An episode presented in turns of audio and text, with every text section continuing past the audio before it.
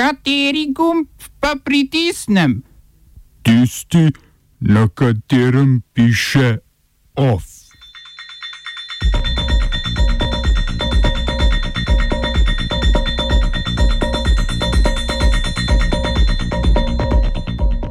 Po spremembi volilne zakonodaje Vladimir Putin z možnostjo predsedniških mandatov do 2036.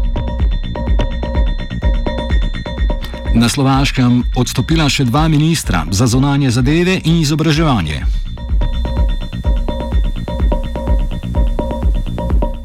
Kenija v zapiranje dveh begunskih taborišč.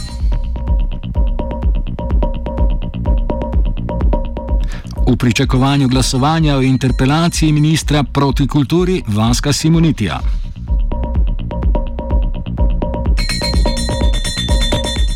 O kulturnih novicah pita s hruškami v novi študentski galeriji.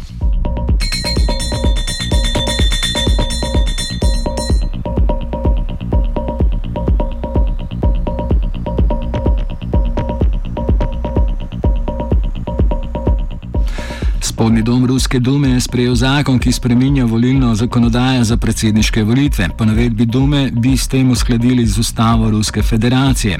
No, zakon bo zamejil trajanje vladanja ruskega predsednika na dva mandata, vendar obstaja izjema za predsednike, ki so to vlogo upravljali pred sprejetjem omenjenega zakona. Tako bi lahko trenutni ruski predsednik Vladimir Putin nastopil svoj nov prvi mandat šele po preteku trenutnega, z umestnim presledkom skupno že četrtega. S to spremembo zakonodaje bi Putin lahko ostal ruski predsednik vse do leta 2036. Zakon mora potrditi še zgornji dom.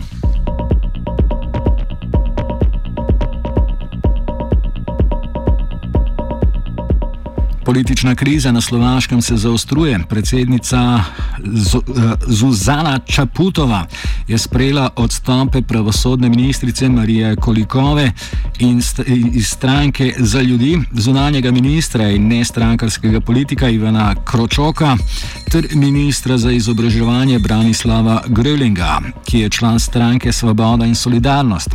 Hkrati je predsednica kot stavpo pozvala premijeja in vodjo stranke običajni ljudje in osebnosti Igorja Matoviča. Predsednik parlamenta in vodja koalicijske stranke Mi smo družina Boris Kolar je pozval k rešitvi politične krize, ki je nastala zaradi koalicijskega nestrinjanja glede vladnega nakupa ruskega cepiva Sputnik V. Ukolikor se stanje v tednu dni ne bi razrešilo, bi Kolar svojo stranko popeljal iz vladne koalicije in poskušal doseči razpis predčasnih volitev.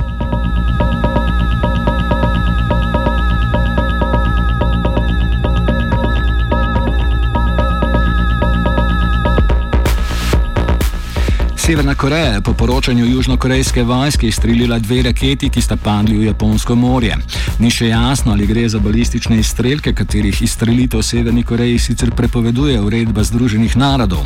Z izstrelitvijo je severnokorejski vrhovni voditelj Kim Jong-un odgovoril na skupne vojaške vaje Združenih držav Amerike in Južne Koreje, ter tako prvič v mandatu ameriškega predsednika Joea Bidna z izstrelki izval njegovo administracijo.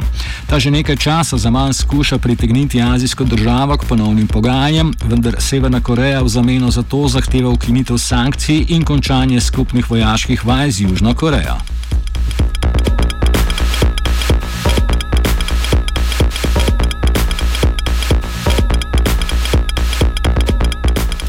Tajvan je pričel z razvojem in proizvodnjo izstrelkov dolgega dometa. Gre za nadaljevanje modernizacije tajvanskih oboroženih sil, ki služi kot odgovor na poveč povečano prisotnost kitajske monarice v Južno-Kitajskem morju in vsakodnevne vdore v tajvanski zračni prostor.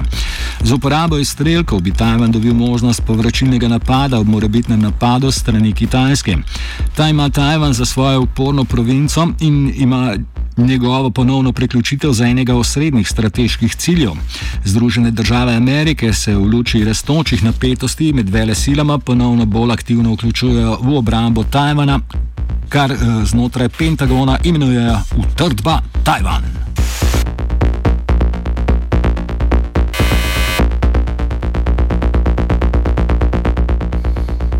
Virginija je postala 23. zvezdna država Združenih držav Amerike in prva država ameriškega juga, ki je odpravila smrtno kazen.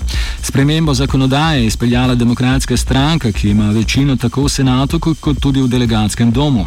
Demokratski guverner Virginije Ralph Northam je ob podpisu zakonodaj, zakonodajne spremembe povedal, da je najstrožjo kazen nesmiselno uporabljati, če ni zanesljivo dokazane krivde in enakosti pred zakonom. Republikanska stranka je odpravi smrtne kazni nasprotovala in si prizadevala, da bi ostala v veljavi za najhujše zločine.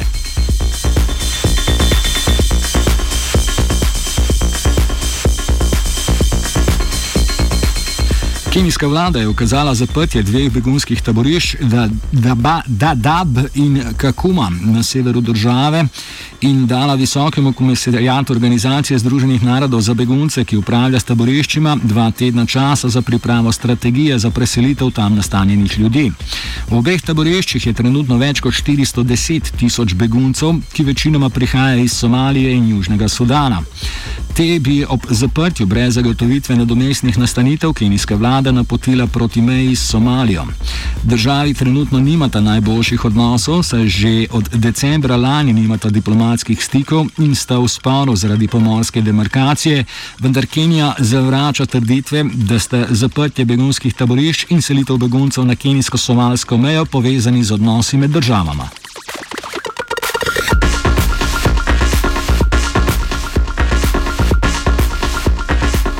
Indija je odredila prepoved izvoza cepiva za COVID-19, da bi lažje precepila lastno prebivalstvo.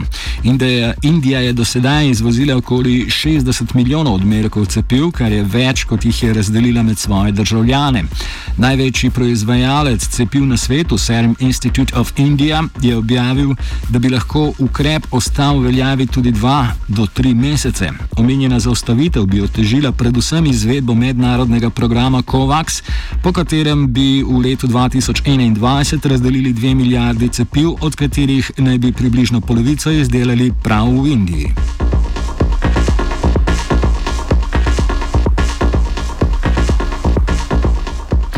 Koalicijske sile v Jemnu pod vodstvom Saudske Arabije so dovolili vstop štirih tankerjev v jemensko pristanišče Hodeida, ki je pod nadzorom huitskih sil.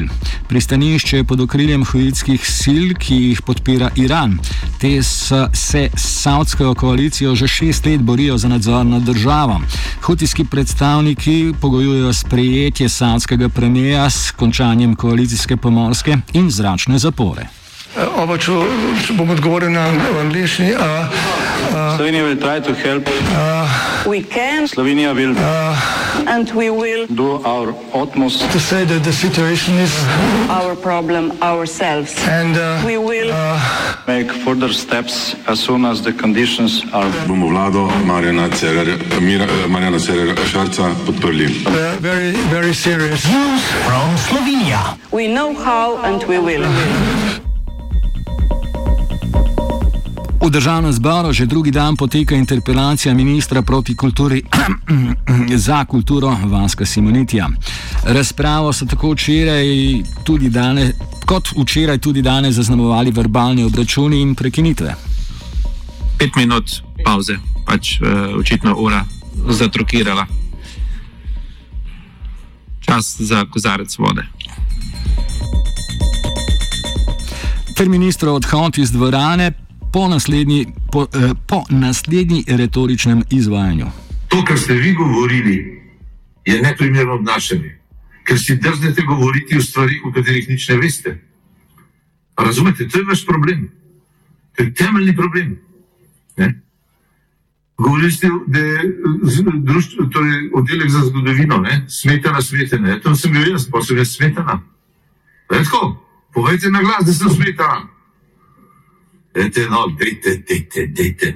Lejte, in uh, da se jaz lotim uh, muzeja slovenske osamosvojitve, kdo se ga pa ne, kdo se ga pa ne loti? Ja, jaz ne. Kaj? Seveda ni šlo brez skokov v preteklost. Vprašal sem vas pa, če se strinjate v tej stranki in to, ko boste vsi, ne? Ne, ali se med seboj vprašajte, če se strinjate z vašimi temi tendencami, ne, ker potem vam jih bom pa povedal. Ne, da smo iliberalna klika ne, in da, da smo mi novodobni fašizem. Ne. Tukaj bo pa tisti gospod tam, ne, ki ima veliko zveze z, in ve, veliko v novinarstvu, ne, zlasti v tistem socialističnem, ki so imeli dva razreda ali pa dva odmora, petega razreda osnovne šole, pa so bili uredniki v srednjih glasil, tisti pa ve veliko ja, o tem. Tako da, lejte, govorite o tem, ne, ampak vi se uh, odločite, pa povejte, če smo to in potem bomo to na zadnjaško stranko uh, uh, analizirali, kot je. Vi pa o intelektualcih ne govorite, ker ne veste, kaj ta beseda pomeni.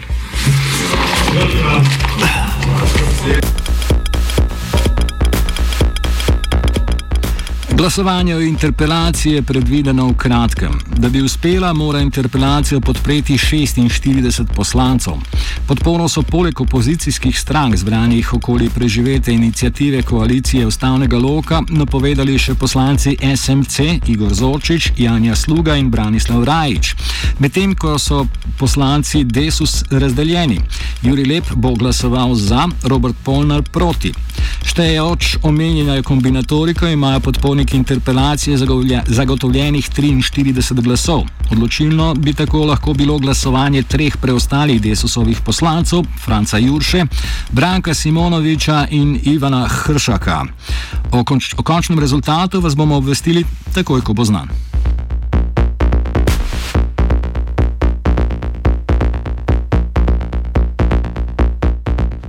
Of je pripravil Dominik, interpelacijo je spremljal Žiga.